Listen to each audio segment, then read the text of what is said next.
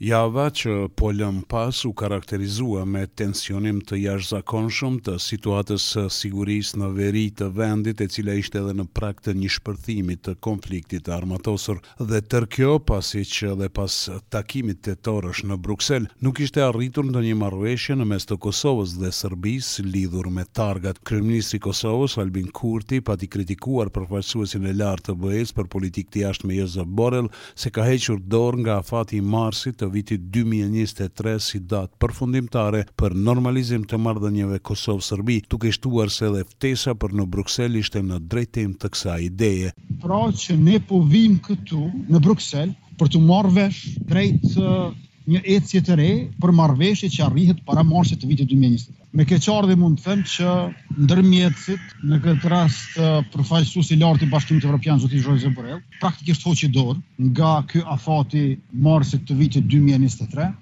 dhe nga propozimi i Bashkimit Evropian për normalizim të marrëdhënieve ndërmjet Kosovës. Kurti ka thënë se BE-ja ka propozuar që Kosova të mos japë gjoba për targat ilegale e të vazhdojë me qortime e Serbia të mos lëshojë më targa me akronime të qyteteve të Kosovës. Ta pezullojmë, pra gjobat, të vazhdojmë vetëm me ato qortimet, ndërkaq në anën tjetër Serbia të.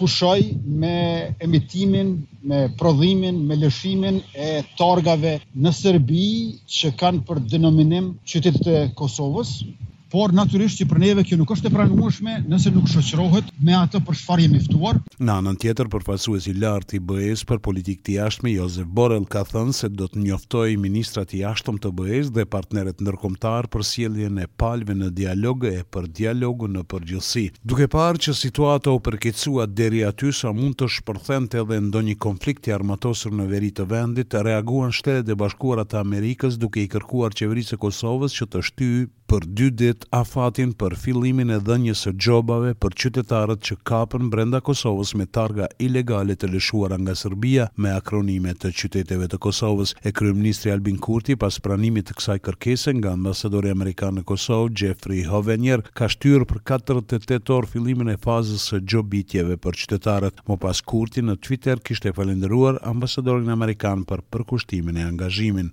Në tentativat për ta zgjidhur këtë problem të madh, drejt Brukselit udhëtuan zëvendëskryeministri Besnik Bislimi dhe nga Beogradi i ashtuquajturi shefi i Zyrës për Kosovën në Qeverinë e Serbisë, Petar Petkoviq. Pala kosovare dhe ajo serbe arritën marrëveshje në minutat e fundit. Përfaqësuesi i lartë i BE-së për politikë të jashtme, Josep Borrell, bëri të ditur se Serbia do të ndalojë lëshimin e targave me emërtimet e qyteteve të Kosovës, ndërsa Kosova do të ndërpresë veprimet në lidhje me riregjistrimin e automjeteve. Besnik Bislimi është prononcuar edhe për media në Bruksel pas arritjes së marrëveshjes.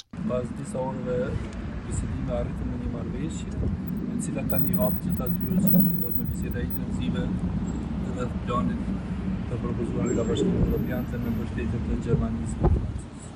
Ndonëse thanë se mirëpresin arritjen e marrëveshjes për targat, deputetët opozitarë kritikuan kryeministrin Kurti se ka shkaktuar dramë të panevojshme në lidhje me çështjen e targave ilegale serbe. Kritikë të tillë pati edhe kreu i PDK-së, Memli Krasniqi. Çka me thonë për katër pesë javët e fundit të dramës, të cilat pa pikë nevoje i keni shkaktu, zoti kryeministër, por unë po e them siç thuhet fjalën e fundit Të parën, ne mirëpresim dakordimin që ka ndodhur dje në Bruksel. Për dialogun, kryeministri u kritikua edhe nga deputeti i LDK-së Armend Zemaj. Lidhja Demokratike e Kosovës ka shprehur qartë si brengën, por edhe mbi të gjitha, tendencën e kësaj qeverie në mënyrën më të papërgjegjshme në raport me qasjen në dialog. E kem theksuar. theksuar dhe më parë, po e potencojmë edhe sot. Rruga e vetme që garanton suksesin e Kosovës është bashkërendimi i ngushtë dhe i përhershëm me partnerët strategjikë, veçmas me Shtetet e Bashkuara të Amerikës. I pari i AAK-së, Ramush Haradinaj, tha se marrëveshja për targat shmangi eskalimin e situatës në veri, por nuk e ka zgjidhë problemin. Mos bëjmë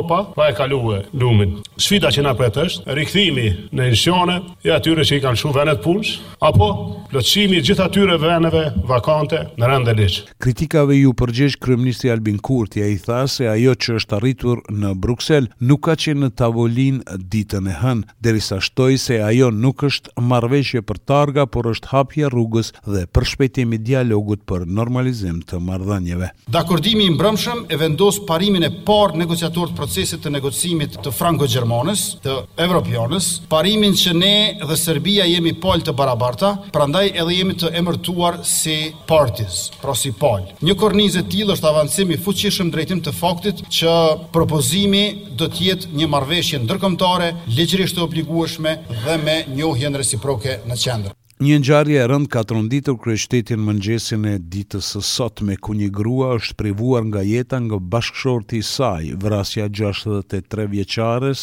profesoreshë e gjeografisë në shkollën fillore Dardania në Prishtinë, ndodhi pikërisht në ditën e parë të fushatës globale kundër dhunës ndaj grave. Sot kryeministri Albin Kurti ka dhënë një mesazh që bën thirrje për raportimin e dhunës ndërsa ministri Ministrja e Drejtësisë, Albulena Haxhiu, bëri të ditur se që nga fillimi i vitit janë raportuar dy mijë e pesëqind raste të dhunës në familje. Federata e Futbollit e Kosovës ka njoftuar opinionin se gjatë ditës së sotme ka paraqitur ankesë në FIFA për veprimin agresiv të ekipit përfaqësues të Serbisë, i cili në ndeshjen kundër Brazilit në kuadër të Kupës së Botës Katari dy mijë e njëzet e dy ka vazhduar me retorikën shoviniste ndaj Republikës së Kosovës. Para kësaj ndeshje në zhveshtoren e tyre është vendosur një flamur ku shihej harta e Kosovës me ngjyrat e flamurit serb me mbishkrimin Nuk ka dorëzim. Për Radion SBS, Mendu Hysa, Prishtinë.